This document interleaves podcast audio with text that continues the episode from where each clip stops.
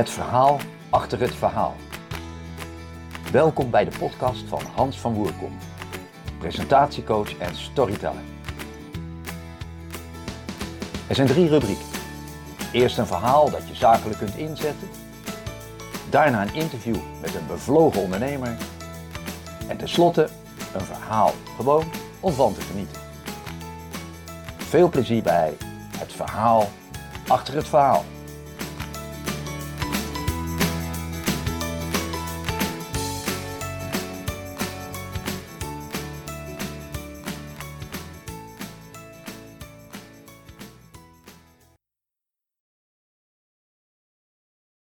In het dorp van Nasreddin Hortja leefde een man, een arme sloeber, Mustafa. Hij had niets, had geen geld om eten te kopen. Het enige wat hij in zijn broek had, dat was een droog stukje brood. Je tanden zouden erop kapot gaan. Dat is alles. Maar hij kon het niet eens opeten. Hij loopt door de straten, hij dwaalt, ruikt iets. Ruikt iets zo heerlijks. En ik kom dichterbij en zie dat het komt uit het restaurant van Ali. Ah. En als hij nog dichterbij komt, dan ziet hij dat er net vlakbij het raam een hele grote vleespot staat. En er komt zo'n damp vanaf, zo'n walm. Oh. En dat brengt hem op een geweldig idee. Hij haalt het stukje brood uit zijn zak. En houdt het boven die walm, boven die damp. En het begint er langzaam in te trekken. En het wordt vochtig, het wordt sappig, het wordt zachter. Oh, het water loopt hem al in de mond. Dit zal smaken. En eindelijk is het zover. En hij stopt het in zijn mond. En... Mm. Dit is het meest lekkere dat hij ooit gegeten heeft. Mm. Wat doe je daar? Achter hem staat Ali de eigenaar van het restaurant. Nou, ik ben even een stukje brood aan het opeten. Stukje brood aan het opeten? Met mijn damp heb je dat stukje brood lekker gemaakt.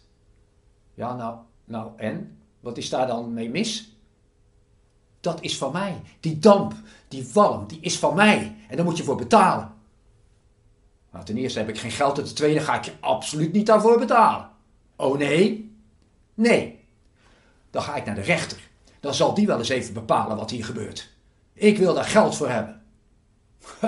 belachelijk. Maar ik loop met je mee. En de twee lopen in de richting van de rechter. En dan moet je weten dat ze doen dat op een ruzieachtige toon. En er zijn steeds meer mensen die erbij komen en ze denken, wat gaan die twee doen? Ze gaan naar de rechter. En als ze daar naar binnen gaan, dan ziet de rechter ze komen. En de rechter, dat is in dit geval Hotja, Nasreddin Hotja, is tegenwoordig rechter. En hij ziet ze zo komen en hij kent ze allebei. De arme Mustafa en de rijke Ali. Zo, Mustafa, wat is jouw verhaal? Ah, meneer de rechter, ik, ik had gewoon een droog stukje brood. Ik heb het boven de walm gehouden van heerlijk vlees. Dat is alles. En toen heb ik het opgegeten. Hmm. Ali, wat is jouw verhaal? Meneer de rechter, hij gaat zomaar boven de damp van mijn vlees. Gaat hij dat houden en eet hij het nog op ook. Daar moet hij voor betalen. Vindt u ook niet? Hmm. Daar moet ik even over nadenken. Hmm. De mensen zijn zeer gespannen. Wat gaat de rechter beslissen? Wie krijgt er gelijk? En Hotja pakt uit zijn buidel geld. Allemaal munten.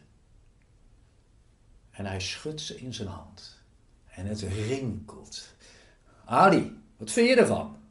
Oh, meneer de rechter, dat klinkt me als muziek in de oren. Ja, dat dacht ik al. Nou, weet je wat? Dan betaal ik jou voor de geur van het vlees, het gerinkel van deze munten.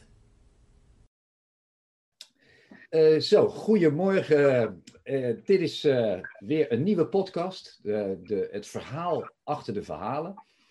En ik heb een hele bijzondere gast vandaag. En dat is uh, Bart Splithof. Hey, goedemorgen. Ja, goedemorgen Bart. Van harte welkom. En ik, uh, ik heb een stapel vragen. Dus ik ben heel benieuwd uh, hoe ver we gaan komen. Uh, maar Bart, wil je jezelf even voorstellen? Want wie, wie ben je nou eigenlijk, Bart? Ja, ik, ik ben Bart, uh, Bart Splithoff. Uh, een, nou ja, een gezonde Haagse jongen. opgegroeid hier dus in Den Haag. En nou, een aantal jaartjes geleden, ondertussen nu, bijna al 22 jaar geleden, ja, heb ik mijn passie gevonden in de keuken. En dat heb ik afgelopen tijd flink nou ja, uitgebreid, die passie. En die passie is er nog steeds. Dus ja, dat is eigenlijk heel kort verteld uh, ja, uh, waar, ja wie, wie ik ben. Ja, Bart. Oké, nou Bart, uh, ik heb al een klein idee wat jij, wat jij voor favoriete dingen hebt. Maar ik ga eerst een paar algemene vragen stellen. En, nou, wat was vroeger of nu een, een boek, ja, zeg maar een favoriet boek van jou? Nou, om heel eerlijk te zeggen, ik ben nooit echt een boekenlezer geweest. Ik was meer een, uh, een stripboeken lezen, een plaatjes kijken. En uh, uh, nou ja, toch wel ja, iets aan de verbeelding overlaten. Dus je ziet een plaatje en dan, ja, dan, dan kwamen de avonturen vanzelf. Daar had ik geen letters voor nodig. Okay. dat, de stripboeken die hebben plaatsgenomen voor kookboeken. En ja, goed, je vraagt een favoriete boek. Dan moet ik toch wel zeggen White Heat van Mark Pierre White. Dat is een, ja, een, een kookboek die, nou ja ik uh, zie het als een soort bijbel onder de kookboeken. Uh, ja, die, uh, nou ja, die is al aardig wat jaartjes bestaat. Maar voor mij staat hij nog steeds op één. Dat is White Heat. Wil je hem nog een keer herhalen, Bart? Ik hoorde hem niet goed. Het boek White, White Heat White van Marco Pierre White. Van Dat Mark? Is, Marco Pierre White. Oké. Okay. Mark White is zeg maar de leermeester geweest van uh, uh, een Gordon Ramsay. Oh. Dus uh, echt een legende, nog steeds een levendige legende. maar dat is het eerste kookboek wat ik in mijn handen kreeg, wat meer was dan alleen een tosti. En ja, ik heb dat boek nog steeds. En ik gebruik het nog steeds voor inspiratie, ook al is het dus heel erg verouderd. Ja. Maar ja. Nou, ik, ik ga het opzoeken, want ik ben benieuwd. een film. Heb jij een film die je geweldig vindt? Vond? Uh, nou, ik heb meerdere films die ik geweldig vind. Wat ik. Uh, uh, ja, ik ben gek op avonturenfilms. Ja, ehm, en ik zeg eigenlijk al jaren, zeg ik, ik hoop nog steeds een keer wakker te worden, mijn kast open te doen. En net zoals van Chronicles of Narnia, dat daarachter een soort wondere wereld zit, waar ik dan binnen kan stappen. En dan, dan blijf ik daar ook gewoon. Ja. Fear and Lozing in Las Vegas. Dat is echt zo'n cultfilm is dat. dat uh, ja, ik denk dat ik die film misschien wel honderd keer heb gezien. Ja. Het zijn niet zozeer echt goede films met goede verhalen, maar het kijkt lekker weg. Oké, nou, dankjewel. Uh, heb je een hobby? Uh, ja, koken is mijn hobby. Ik uh, vind tuinieren vind ik erg leuk. Ik heb veel affiniteit met dieren. Ah. Dus ik ben altijd, ja, toch altijd wel bezig met ja, met, met, met, ja, met, met, met dieren en, en, en ja, het verzorgen van mijn tuin en noem maar op. En ik vind het leuk om, om voor de mensen te zorgen. Ja. Dus dat zijn eigenlijk een beetje mijn hobby's, heel sociaal. Ja, dat lijkt mij ook. Eh, nou, klinkt helemaal goed. Eh. En uh, deze vraag, Bart. Wat is je liefste gerecht? Lijkt me een onmogelijke vraag. Ja, mijn liefste gerecht om te maken of om te eten? Uh, nou, eerst om te maken. om te maken. Uh, ja, ik vind dat. Ik heb die vraag wel vaker gehad hoor. Van, wat vind je nou echt echt leuk? Maar ik vind. Uh, wat ik echt heel leuk vind. is als ik onbekende producten voor me krijg. En dan op dat moment iets mee moet maken. Okay. Weet je? Dus, dus, ja, gewoon zo'n black box verhaal. Dat, dat, dat, dat vind ik echt het leukste om te doen. Uh, als ik voor mezelf kook, vind ik het heel leuk om bijvoorbeeld gewoon simpel een pizza te maken. Maar dan wel van begin af aan. Dus het hele deeg en uh, uh, nou ja, dat je een dag van tevoren begint met je deeg te maken, dat soort dingen. Dat vind ik echt heel, heel, heel leuk. En om te eten, ja, dan gaan we toch ook een beetje de Italiaanse kant op. Ik vind me gek op de Italiaanse keuken. Simpel, goede producten. Eenvoud is meervoud. Ehm, dan moet ik wel eerlijk bekennen dat, dat de gerechten die ik zelf maak veel complexer zijn. Maar goed, dat vind ik leuk om te eten, de Italiaanse maar het hoeft niet altijd ingewikkeld te zijn, toch? Hè? Nee, nee, zeker niet. Nee, dat is juist het verrassende vaak ervan. Hè? Dat, uh, hoe simpeler het is en ja, als die smaakexplosies aanwezig zijn, en, uh, dan, dan, dan, dan, ben je er eigenlijk. Ja, maar als je nou bijvoorbeeld, uh, ik, ik, noem maar wat, zuurkool. Hè? Ja. Hoe, hoe, maak je dat nou lekker? Nou ja, ehm, wat ik zelf altijd doe met zuurkool, want ik hou niet zo heel erg van die extreem zure smaak van, van zuurkool. Die is vaak heel erg aanwezig. Ja. Ehm, en dat kan in bepaalde gerechten. Maar ik doe mijn zuurkool altijd eerst helemaal spoelen in water. Dus dat, dat, eh, dat die, die, die, die wijnsteen ervan a- af is. En dat echte zuur er vanaf is. En dan vind ik het heel lekker om je zuurkool eh, eerst te confijten. Dus in olie heel langzaam te garen.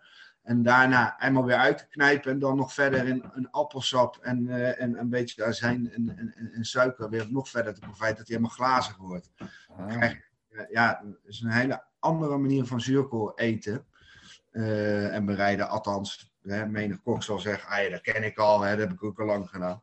Maar Ja. mensen thuis zullen dat denk ik niet zo vaak doen op die manier. Nee, nou, ik ga het binnenkort even maken, Bart. Ja. Ik heb nog een potje zuurkolen in de koelkast van Ja. Van. Odin, ken je dat? Van eh, een beetje eh, gezonde, ja, biodynamisch of zo. Nee, het, het, het zegt, het zegt mij niks, Odin. Oh, dat, eh, dat valt me dan een beetje tegen. Maar goed, Een beetje. hey Bart, hoe, hoe ben je nou eigenlijk kok geworden? Hoe, hoe is dat zo ontstaan? Oeh, ja, dan gaan we wel even een beetje. Ja, dat is, is gewoon eigenlijk gewoon jeugd, jeugdgeschiedenis. Maar hoe ben ik kok geworden? Nou, ja, vroeger eh, was ik eh, nou, een beetje zo'n standaard rebels mannetje. Schopte eigenlijk overal tegenaan. eh was super eigenwijs. En ja, mijn, ouders hebben me altijd zo opgevoed van als, als jij iets wil en dat kost geld, dan moet je daar gewoon voor werken. En, dus ik wilde heel graag een, een scooter, ook al was ik toen 14. Maar ik wilde een scooter, want die had mijn broer ook. En, dus daar moest ik voor sparen. En, eh, dus ik ben toen eh, in de keuken terechtgekomen. Eh, die scooter is daarentegen nooit gekomen. Want nou ja, ik was 14 jaar. Ik verdiende toen inderdaad heel veel geld. Meer geld dan wat mijn ouders hadden verwacht. En ehm, ja, dan ben je 14 jaar met heel veel geld. Dan kan je zelf een beetje invullen. Dat als je ook nog eens avonds werkt dat ik nou ja, veel op straat was en nou ja, heel erg van het leven genoot, maar misschien niet altijd nou ja, dat het altijd even goed was. Dat, eh, eh, dat zag mijn chef toen de tijd ook. En eh, die, die heeft mij toen echt voor de keuze gezet van of je doet gewoon wat je nu doet en dan gaat het gewoon niet goed met je op een gegeven moment.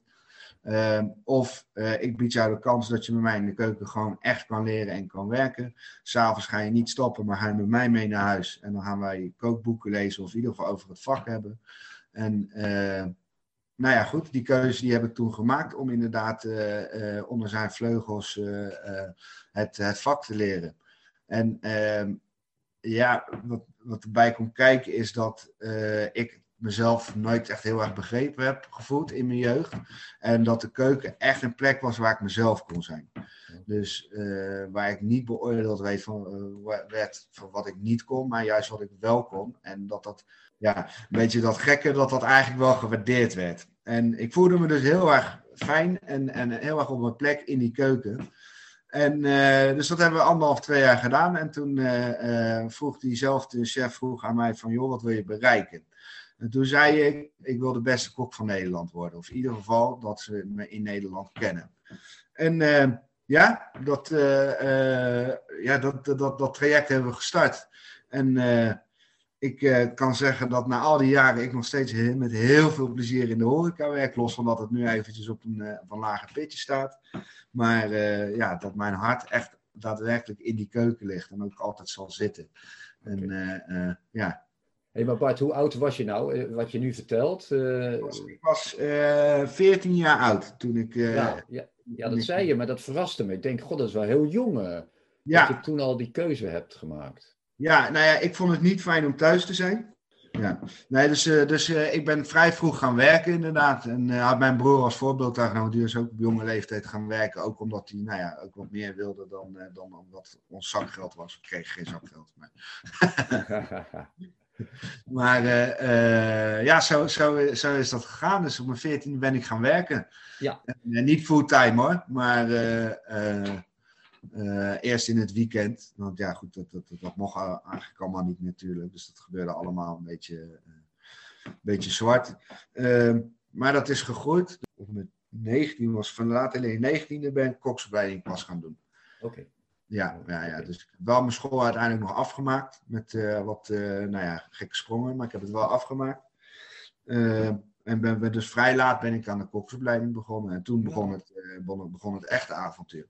Ja, hartstikke ja. Hey Bart, maar waarom, waarom vind je dat werk nou zo leuk? wat, wat, ja, je, je hebt eigenlijk al een antwoord gegeven, vind ik. Want je zegt, daar kan ik helemaal mezelf zijn. Maar ja. er moet toch meer, nog meer zijn, denk ik. Nou ja, ik, ik, ik, vind het heel leuk om uh, uh, onder de mensen te zijn. Ik vind het heel leuk om met verschillende individuen te maken te hebben. Dus dat is echt binnen de keuken. Heb je met zoveel verschillende karakters te maken. Wat het heel interessant maakt. Dus je, je verveelt je nooit. Er gebeurt altijd wel wat. Ehm, en qua, qua zeg maar, de ambacht echt zelf. Ja. Uh, na al die jaren dat ik nu uh, al sta te koken, ben, ben je bent nog steeds niet uitgeleerd. Er komen steeds meer nieuwe technieken, steeds uh, weer, toch weer nieuwe producten op de markt. je kan blijven uitproberen. Nou, in, in, een gesprek eerder heb ik ook je aangegeven dat ik vind het zo mooi om te kunnen creëren. Ja. Om iets te kunnen bedenken, hoe gek het idee ook is. En sterker nog, hoe gekker het idee, hoe leuker ik het vind. Om het dan werkbaar te maken. Dus dat, dat uh, ja, dat dat vorm krijgt, dat dat echt uh, gewoon, echt wordt, tastbaar wordt. En ja, als je dan de reactie ziet van, van je gasten die, die, waar het voorschotelt.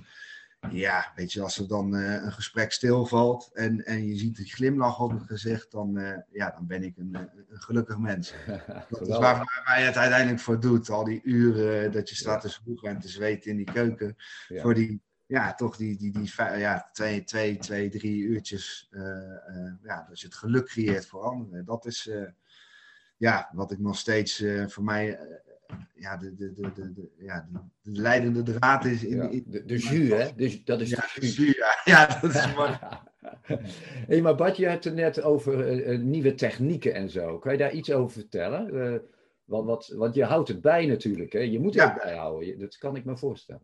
Ja, nou ja, goed. Kijk, uh, je kan tegenwoordig natuurlijk alles vinden op het internet. Dus uh, je hebt verschillende fora's, verschillende Facebookgroepen waar uh, creatieve ideeën gedeeld worden. Ehm, ik ben ook lid van een vakblad Culinaire Saisonnier. Dat wordt ieder seizoen komt er een nieuw vakblad of komt er een nieuw blad uit. En daar worden eigenlijk alle nieuwe technieken, alle nieuwe apparatuur, ja, komt daar de revue voorbij. En ik denk als je dat nou ja, bijhoudt, dan, ben je, ben je ja, dan blijf je ook een beetje bij bij de nieuwe technieken. Maar er is natuurlijk niks leukers om zelf je eigen technieken te bedenken. Absoluut. dus ja, daar komt dus een stukje ja, scheikunde bij kijken. En als je dat stukje leert begrijpen, dan ja, dan gaat er weer een hele nieuwe wereld voor je open. Qua nieuwe technieken. En uh, dan ga je ook heel anders nadenken van wat kan ik met mijn producten doen. Ja. Hey Bart, kan jij in het kort één zo'n techniek e-, even iets over zeggen? Uh, kan je iets specifieker zijn? Ja, ja, nou ja, ik, ik, ik bedoel eigenlijk van ja, je hebt allerlei nieuwe technieken. En dan, ja, dan, dan is er misschien wel eens eentje waarvan je zegt, nou, hè, die, die ga ik gelijk toepassen. Nou ja, ik moet zeggen, maar dan gaan we echt alweer een aantal jaren terug. Uh, je had toen een restaurant El Bulli van Verradria. Dat was het beste restaurant ter wereld. En die is toen echt die moleculaire wereld ingegaan. Samen met uh, uh, Hervé, dat is een Franse, Franse ja, is niet echt een kok. Dat was meer een, een chemicus. Ja. Maar die zijn toen echt ja, naar die moleculaire opbouw gegaan. En dat heeft zo'n input gehad op de culinaire wereld, over de hele, gewoon echt over de hele wereld, dat uh, ja, daar teren de mensen nog steeds op. Die, die technieken die, die, die zijn er, maar je kan natuurlijk nog veel meer mee als je dus ja, echt die, die moleculariteit ingaat. Uh, dat, dat spreekt mij nog steeds heel erg aan. Uh, ja, wat je nu, nu steeds meer ziet is ja, de, ja, ja er blijven steeds meer technieken bij komen. Maar uh, ja, ik kan nu niet specifiek nu van deze tijd. Ja, de rest zijn nu dicht. Ja. Je ziet veel creatieve ideeën. Niet zozeer nu op dit moment nieuwe technieken. Maar, uh, nou goed, er is geen, geen, geen punt. Maar uh, dan gaan we naar het volgende. Uh, jij werkt graag met verse producten. is, dat, is daar altijd makkelijk aan te komen? Of, Ja. Ja? Ja. is dat zo? Heb je allemaal adressen die... Uh... Nou ja, je hebt gewoon je leveranciers die je door de jaren heen, om je heen verzamelt. Wat speciaal leveranciers, maar ook gewoon voor je, voor je basisproducten. ja, vers, vers producten zijn altijd te verkrijgen. En als je ze niet kan vinden, dan moet je zelf op zoek. maar dat kan ik me gewoon niet voorstellen. Tegenwoordig is dat allemaal steeds makkelijker. Vroeger moest je daar echt wel uh, wat beter je best voor doen. Zeker als je met speciaal producten wilde werken. Uh, maar tegenwoordig is dat zo uh, gegroeid en zijn, zijn bepaalde bedrijven zo gespecialiseerd daarin. Dat dat wel steeds makkelijker wordt. Weet je, vroeger moest je nog naar, naar, naar, naar Frankrijk rijden of naar Italië om bepaalde producten te vinden. of iemand anders naar laten rijden. Maar tegenwoordig kan je dat vrij makkelijk wel hier in, in Nederland ook krijgen. Oké. Dus maar is het zo, is het zo dat, uh, sorry Bart, uh, dat je ook goed kijkt naar het seizoen van uh, waar ja, de producten altijd. mee te maken hebben? Seizoenen vind ik heel belangrijk. sowieso is het leuk om, om, nou ja, goed, sowieso een wisselend assortiment te gebruiken. Maar er is niks mooiers dan ja, wat de natuur op dat moment weet, weet te bieden. En uh, ja, de natuur heeft iedere keer zijn eigen momentje wanneer een ander product op zijn best is. Dus ja. het is ook zelf voor jezelf ontzettend leuk om dat bij te houden en om daar dan wat mee te doen. Ja. Uh, en ook om vooral om je gasten dat te laten ervaren. Want ja, goed, als je de supermarkt inloopt, ja, wat zie je daar liggen? Standaard courgette, paprika, tomaat. Ja, uh, en dan hier en daar wat seizoensproducten. Ja. Uh, nee, ja, ik vind dat uh, sowieso heel belangrijk. Ook gewoon om de natuur daarin te respecteren. En wat er is, dat is er. en dat, dat, dat gebruiken we dan. Ja, en soms is een product wat minder. Ja, dat betekent dan dat je het gewoon dan niet moet gebruiken. En volgend jaar nieuwe ronde, nieuwe kansen. Dan komen er weer andere nieuwe producten. Ja. En, en, kun je een paar voorbeelden geven van producten waar je zegt, ah, dat is nou echt in dat deel van het jaar en, ja, ja, asperges natuurlijk. Ja, dat dacht uh, ik. Ja, asperges, rabarber, doperten, tuinbonen, uh, hopscheuten, kanterellen. Uh, nou ja, al je schaal- en schelpdieren, die hebben altijd, nou ja, rond, rond, ja, als de R in de maand zit, dan zijn ze gewoon meestal op het best. ja, kreeftenseizoen heb je natuurlijk nog, truffelseizoen. Ja.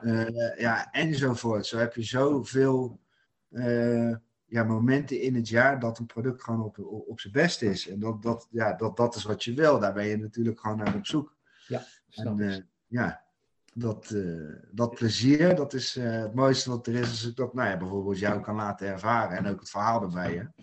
Ja, dat snap ik. Ja. Nou, ik vertelde net over Odin. Ik heb een groentepakket elke week. Hè. Dat is biologisch of biologisch dynamisch. En daar zit bijvoorbeeld deze week zit erbij wortelpeterselie. Ja. Maak je dat ook wel eens klaar? Of, uh... nee, het is peterselie wortel. Oh. Oké, weer, weer wat geleerd. Ja. Lijkt op pastinaak, hè? Qua nee, klopt. Ze zijn, ze zijn ongeveer zo groot. Ja. Zo is. Ja, nee, het, is, het is een prachtig product. Uh, het, is, uh, het lijkt een beetje inderdaad op pastinaak, maar ietsje scherper van smaak. Ja, dat is een, een zeer seizoenig product uh, seizoengebonden product. Je hebt peterseliewortel, maar je hebt ook kervelwortel. Dat uh, vind je trouwens uh, hier in Okkenburg. Uh, heb ik nog wel eens geplukt. Vond alleen oma Gent wat minder leuk. Of in ieder geval bos, boscowboy. maar ja, goed, dat is het mooie, weet je. Die, wat heel veel mensen als onkruid zien, ja, dat groeit gewoon langs de kant van de weg maar uh, dat is een mooi product, peterseliewortel, absoluut. Ja, oké. Nou, ik onthoud dat, uh, peterseliewortel. En, en zoiets als schorseneren, dat, ja. alleen al dat schoonmaken vind ik een uh, gedoe. Ja. maar en, ja, de smaak hmm, gaat wel hoor. Maak je dat ook wel eens klaar dan? Ja, zeker, zeker. Schorseneren, het zijn de winterasperges hè. Ja, ja. ja. Dat, als je het over een Nederlands product hebt, dat is wel echt een Nederlands product. Ja. Dat, dat groeit allemaal langs de, langs de oevers van de slootjes. En uh, ja, ik kan begrijpen dat je het een lastig product vindt om schoon te maken. Maar ja, vaak, dat is een beetje een gezegde toch? Hoe lelijker uh, ja. het product, vaak hoe lekkerder die is. Dus functioneren ook. Je moet wel weten wat je ermee doet. Maar omdat hij zo stevig is en uh, ja, je kan er gewoon best wel veel mee. Weet je, je kan er een puree van maken, maar je kan hem ook gaan opbakken. Je kan hem briseren. Je kan, je kan er zoveel dingetjes mee doen. Ja, en, en, en ja, het- ik, ik, vind, het- ik vind het een mooi product. Ja, wel een beetje ja, o- ondergewaardeerd. Ze noemen dat ook wel de vergeten groente, net zoals Ja. pastinaak. Eh, ik, eh, ik moest ook even denken net aan, eh eh, sommige mensen zijn vegetarisch, hè? Ja, En, eh, en, en dan had ik vroeger de indruk dat er vaak dan eh, gezocht werd naar iets met kaas of zo. Ik weet Ja. niet of dat tegenwoordig nog zo is, want ik hoop dat dat niet zo is. Want ik, volgens mij zijn er zoveel mogelijkheden. Ik, ik vind het heel leuk om vegetarisch te koken. Ik vind het vaak, eh, nou ja, niet zozeer een uitdaging, maar eh, het vraagt wat meer van je creativiteit. Als je een, een leuk eh, vegetarisch gerecht wil maken. Maar ja, kaas, ja kaas, kaas kan je gebruiken, maar je kan in principe alles gebruiken. Weet je, kijk, ja, nee, vegetarisch koken, ja, ik vind het fantastisch. Het is, je, je, moet wat, je moet gewoon anders gaan nadenken. Weet je, ja, wat, wat gebruik ik? Is, is, is het vullend? Is het, eh, eh, gaat het niet tegenstaan? Want dat vind ik wel vaak met vegetarisch gerecht, dat het gewoon een hele berg met eten is. Dus voedzaam. Maar ja, het is niet eh, uitdagend of zo. Ehm, ik vind het juist leuk om inderdaad de vegetariërs onder ons, om, daar gewoon ook een, innovatief gerecht neer te zetten. En ja, ook gewoon mee te nemen op die ontdekkingsreis in de, in de culinaire wereld. Want je kan zoveel mooie dingen maken. Oké, Bart. Bart, stel je voor, je gaat voor mij koken, je gaat iets vegetarisch koken. Wat, wat, wat zou je, wat, wat kan je zo al eh, bedenken? Nou ja, het is natuurlijk, daar, zeker met vegetarisch koken is het seizoen heel belangrijk. Dus nou ja, laat zeggen, als ik dat nu zou moeten Nu? doen, Ja, nu? Ja, nou, dan zou ik sowieso eh, gebruik maken van, van paddenstoelen, van de, van de pastinaken. Ik zou wat eh, noten en pulvruchten eh, zou ik gebruiken. Ja, ik zou gewoon echt eens kijken wat biedt de natuur, ja, wat voor producten zijn er nu te verkrijgen. En dan ga ik daar een, een- een gerecht mee maken. Maar ik probeer altijd zoet, zuur, zout, bitter. En ik probeer altijd alle structuren probeer ik in het gerecht eh, eh, te, te, te, te brengen. Dus denk aan eh, een, een- ja, iets van een, een moesje of een, een crèmetje. Iets krokants. Iets wat meer bijt heeft. Een appeltje bijvoorbeeld heeft weer een andere bijt dan een tomaat. Maar om zo veel structuren aan te brengen. En Ja. dat, dat maakt een gerecht interessant. Dat maakt een gerecht leuk ook om te eten. Dat je bij iedere hap gebeurt er weer wat anders. Ja. En dat, dat is, dat is ja, ik vind dat juist in de vegetarische eh, wereld vind ik, dat, vind ik dat heel leuk om dat eh, te, eh, tot stand te brengen. Nou, dat klinkt, eh, dat klinkt goed, eh, Bart. Ja, hartstikke mooi. En eh, als ik nou heb over keukengeheimen, kan, kan jij een paar keukengeheimen zo eventjes op, eh oplepelen? En niet voor niets geheimen, Hans. Hè? Dat, eh, ja, ik was, ik was hier al bang voor. Ik denk dat ja, ja, ja. de- tipje, de- tipje van de sluis. keukengeheimen. Ja, ik denk dat dat vooral. eh, ik weet niet of ik dit mag vertellen hoor. Dat ik dat, Oh, graag. Daar ben ik benieuwd. gelijk een nekschot krijg. Nee, maar de, de echte keukengeheimen zijn denk ik toch wel de, ik noem dat altijd eh, in, de, in de pis technieken. Dus als eh, de druk hoog is en dingen moeten, moeten gewoon geregeld worden, eh, dan zijn er wat trucjes in de keuken waardoor het proces wat versneld kan worden. Dus bijvoorbeeld olie op de plaat gooien, dat je saus per diepgang kookt. Eh, eh, ja, dat zijn wat keukengeheimen. Ik vind het heel leuk bijvoorbeeld een, eh, om een krokantje te maken van tomaat. Nou, dat is wel echt zo'n geheim in de keuken. waar mensen heel ingewikkeld over nadenken. Maar het is niks meer dan gewoon ja, hoe dat bij mij is gebeurd. Dus ik liet een fles ketchup op de, op de warmtepas vallen. En die droogde in. En eh, eh, ja, op een gegeven moment was dat gewoon helemaal krokant. En toen dachten we, hé, hey, leuk, dit is een nieuw, nieuw, nieuw item voor een gerecht. Weet je, ja, dat zijn wel een beetje, vind ik, wel, wel leuke keukengeheimen om te, om, om te weten. Waar mensen dus heel ingewikkeld over nadenken. En denken dat het heel ingewikkeld is om te maken. Maar die dus gewoon eigenlijk vrij simpel zijn. Of zelfs per zijn ontstaan. Maar je zegt dus, e- even nog terug. Je zegt dus eigenlijk eh, dat die tomatenketchup hè, Ja. op een plaat. Ja, nou ja, goed, wat het is, want dat vind ik wel. Kijk, eh, dit is dan per, per toeval ontstaan. Ja, maar leuk. Dat is juist leuk. Begrijpen waarom het gebeurt, daar gaat het natuurlijk om. Ja, En wa- waardoor komt het? Kijk, ketchup is, er zit zoveel suiker in. ja. Kijk, suiker karamelliseert op een gegeven moment. Ah, dat is Dus het. ja, dus wat je dan krijgt, is dat al het vocht ja, is verdampt, omdat dat dus onder die warmtepas heeft gelegen. En wat blijft over, ja, is de suiker plus nog een beetje van, die, van, van de tomaat. Eh, ja, en dat wordt krokant zodra het, zodra het koud wordt. Ah. Dus uh, ja, weet je, dat, maar dat zijn, zijn, zijn, vind ik dan wel altijd leuke dingen, weet je. Maar dat zijn, uh, ja, vind ik toch wel de echte keukengeheimen, weet je. Dingen die achter de schermen gebeuren, waar je gasten gewoon geen weet van hebben. Het heeft niet zozeer met het koken zelf te maken, maar gewoon, uh, ja. nou ja, maar het is toch, het is wel heel interessant natuurlijk. Ja. Hey, hey, Bart, bedankt in ieder geval. En hoe ga jij nou te werk als je gewoon in, in normale tijd, hè, we hebben het even niet over corona, ja. maar hoe ga jij te werk als je contact hebt met een klant? Hoe gaat het dan verder? Mag ik één ding zeggen? Ja. En dan uh, gebruik ik even mijn woorden. Sorry voor mijn woorden ook. Maar hoeren hebben klanten en wij hebben gasten.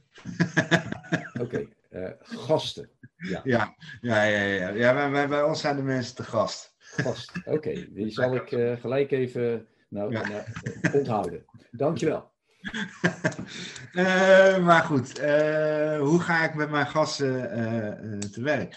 Nou ja, goed, ligt er een beetje. Kijk, voor de catering dan ga ik echt naar de mensen toe. Dan probeer ik erachter te komen wie, wie de mensen zijn.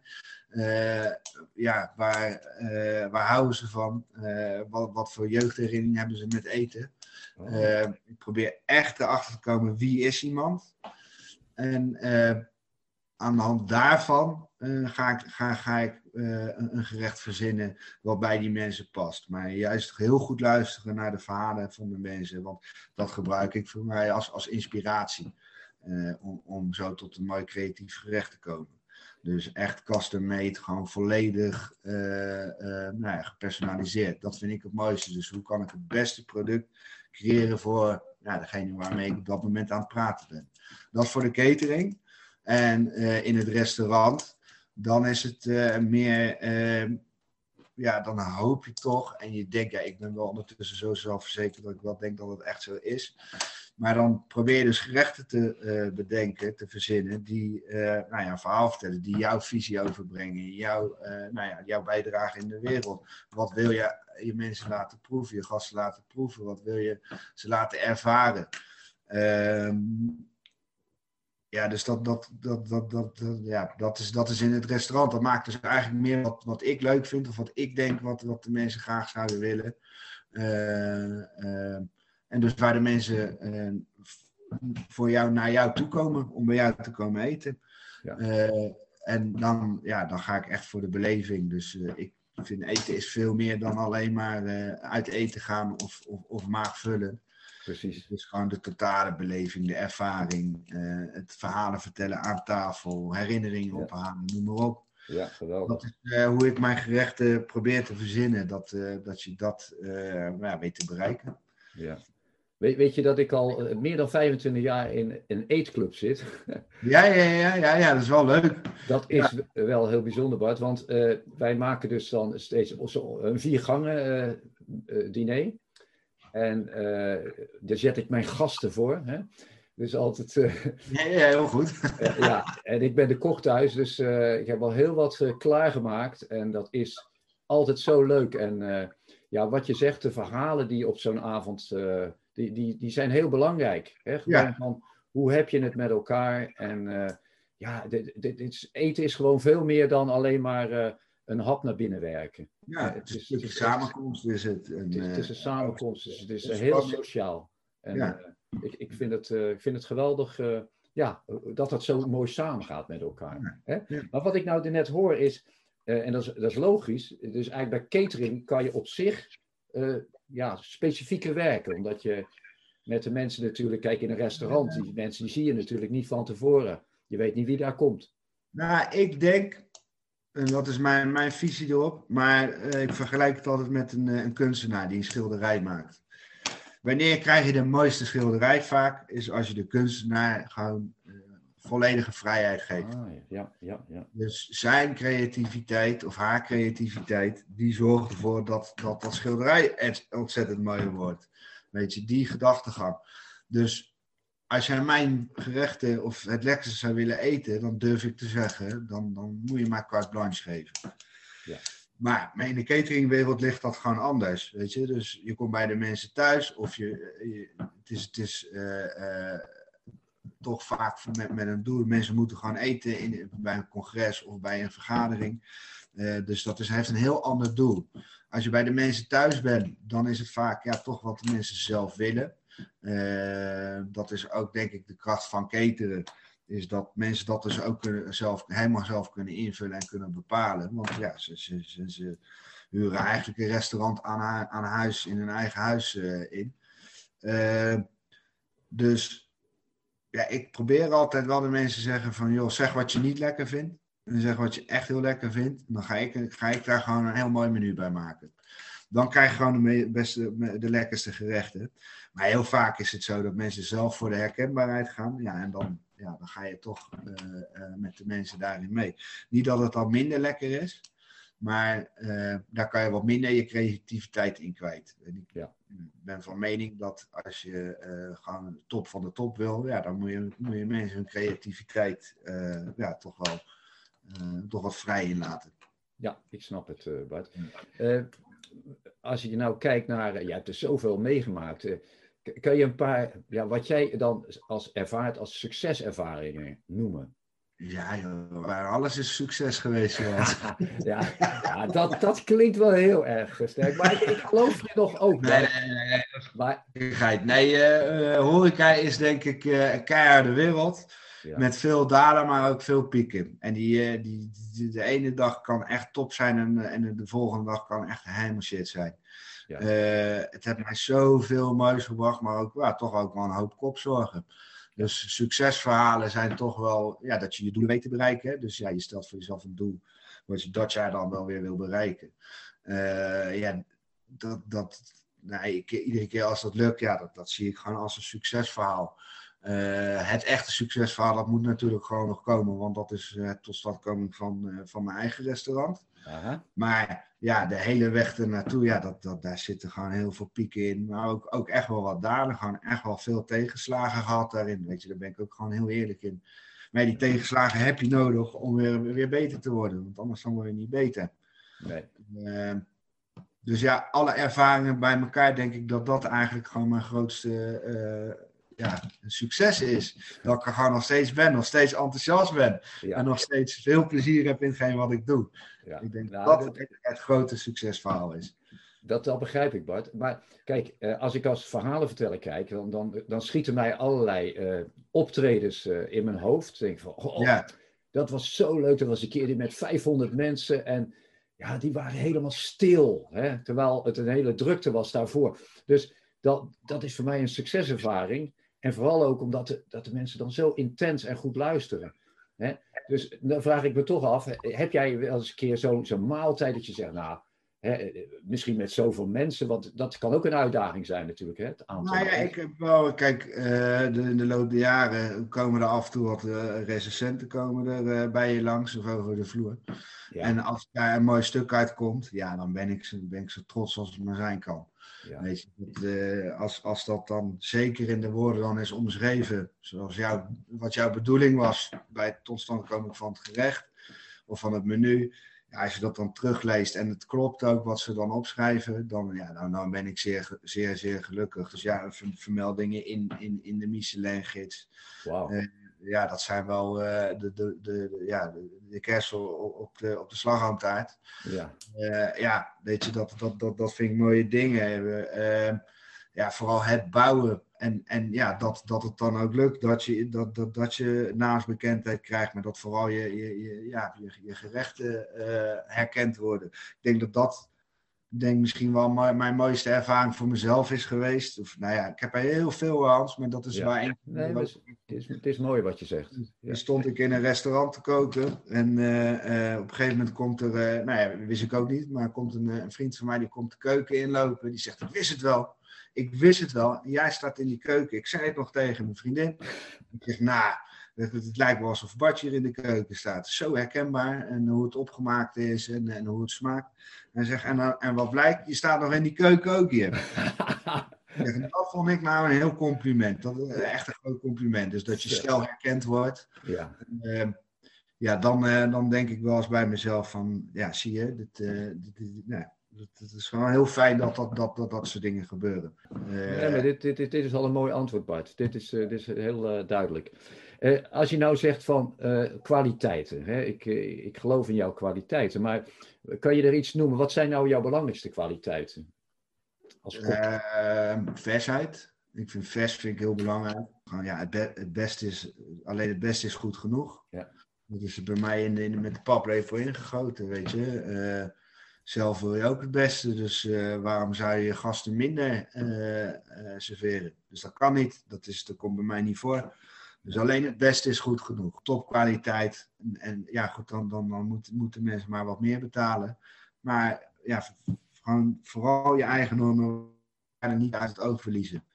Dat de, je staat ergens voor en daar ga je dan ook voor. En dat is, ja, dat is dan aan jou dat je dat aan je gasten weet, weet, weet, ja, weet over te brengen. Maar alleen ja, best is goed, alleen het best is goed genoeg. Dus ja, je, kiest zelf je product uit je controleert zelf de kwaliteiten van. Uh, ja, dat, dat, vind ik, ik vind dat gaan, dat vind ik echt heel belangrijk. Dat, ja. uh, daar zou ik nooit concessies in plegen of, of, of wat dan ook. Dat, uh, nee. nee. snap ik nee, helemaal. Ik weet stoppen met koken als ik dat ga doen. Ja, corona heeft jouw werk natuurlijk wel veranderd. Hè? Je kan niet doen wat je eigenlijk zou, graag zou willen. Hoe heb je dat in al die maanden opgelost? Hoe ben je ermee aan de slag gegaan? Uh, nou, ik moet zeggen, helemaal aan het begin. Kijk, ik denk dat iedereen dat zo ervaren heeft. Toen uh, was het besefte nog niet dat zoiets lang ging duren. Maar nee, ik ben in maart ben ik een restaurant begonnen. dus ik ben twee weken, weken open geweest. Zeg maar twee dagen voordat de officiële lockdown de, ja, ingevoerd werd, kreeg ik een telefoontje van een hele goede collega van me, Esther van Leeuwen. Met de boodschap van, joh, die was een beetje in paniek. Maar mijn hele agenda is leeg. Het is allemaal gecanceld. Uh, wat gebeurt er allemaal? Nou ja, zeg maar, uh, uh, toen ik dat horen kreeg, een paar minuten later kregen we van een andere collega eigenlijk hetzelfde verhaal te horen. Dus ook in de auto na te denken, wat nu? Toen kwam het idee, de quarantainemaaltijden. En eigenlijk twee dagen later hebben we die gelijk geïntroduceerd aan, aan, aan de wereld. En dat is best wel een succes geweest. Dus ja, gelijk anticiperen en van een probleem, ja, een probleem toch weer iets succesvol proberen te maken. Ja, dat hebben we eigenlijk toen, toen per direct gedaan. Uh, daarna gingen we weer open, dus dan konden we weer een beetje gewoon de dingen doen die we, die, die, ja, die we normaal gesproken deden. Uh, er wordt veel van je gevraagd in deze tijd, veel van je ja. creatieve brein. Zeker. En uh, dat is heel leuk, zeker als succes, successen zijn. maar ik moet wel eerlijk bekennen, het wordt allemaal wel steeds lastiger. Dat, ja. Het, uh, het, is niet alleen maar uh, roze kleur en maneschijn. Ja, het is gewoon een hele lastige tijd voor iedereen. Het vraagt veel van je creatieve geest. Maar ja, creatieve geest heb je ook wel, heb je ook wel een, een uitgeruste uh, geest nodig. En dat is nu wel ja, ietsje minder. Ja.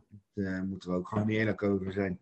Maar goed, hè, net zoals dat je fietsen niet verleert, verleer je ook niet om, om creatief na te denken. Nee, dat, dat is waar, Bart. En ik heb er veel bewondering voor hoe jij uh, daarmee omgegaan bent in de afgelopen periode. En uh, ja, heb je nog tenslotte, we gaan het afronden, heb je nog een wens voor, voor de toekomst?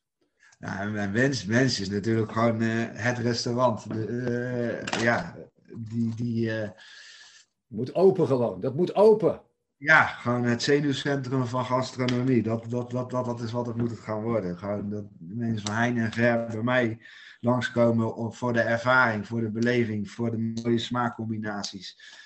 Ja, om echt wat te beleven. Dus uh, ja, de ene gaat naar een bioscoop. Maar bij mij kan je en een soort van naar een bioscoop en je krijgt lekker eten en je krijgt leuke mensen om je heen. Dat, uh, dat, is, dat is mijn grote wens. En ja, goed, het moet, gewoon weer even lekker een beetje normaal worden.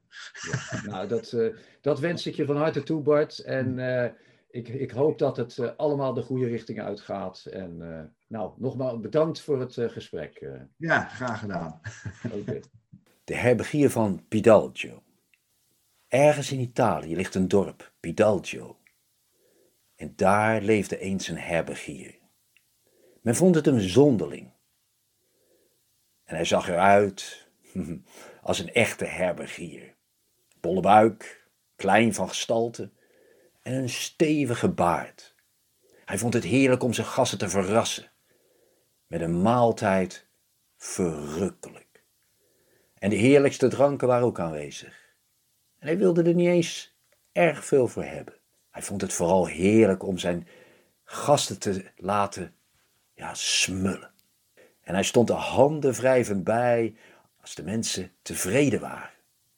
Eens bij een schuttersmaaltijd zag men hem huilen van blijdschap.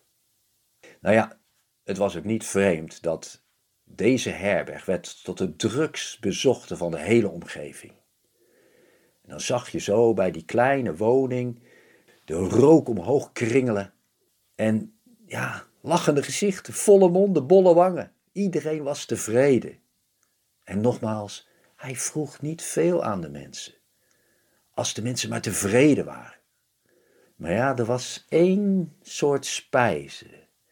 Waar de mensen speciaal voor naar de herbergier van Pidalcio kwamen. En dat waren zijn vleesgerechten.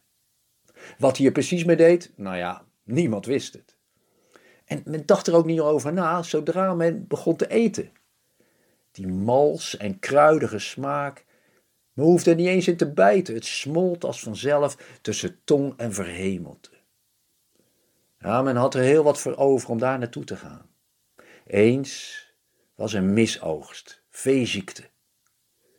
En er was grote schaarste in de hele omgeving. De molens hielden op te malen, de vleeshouwers hingen hun messen, aan de deurposten en de vuren van de bakovens werden gedoofd.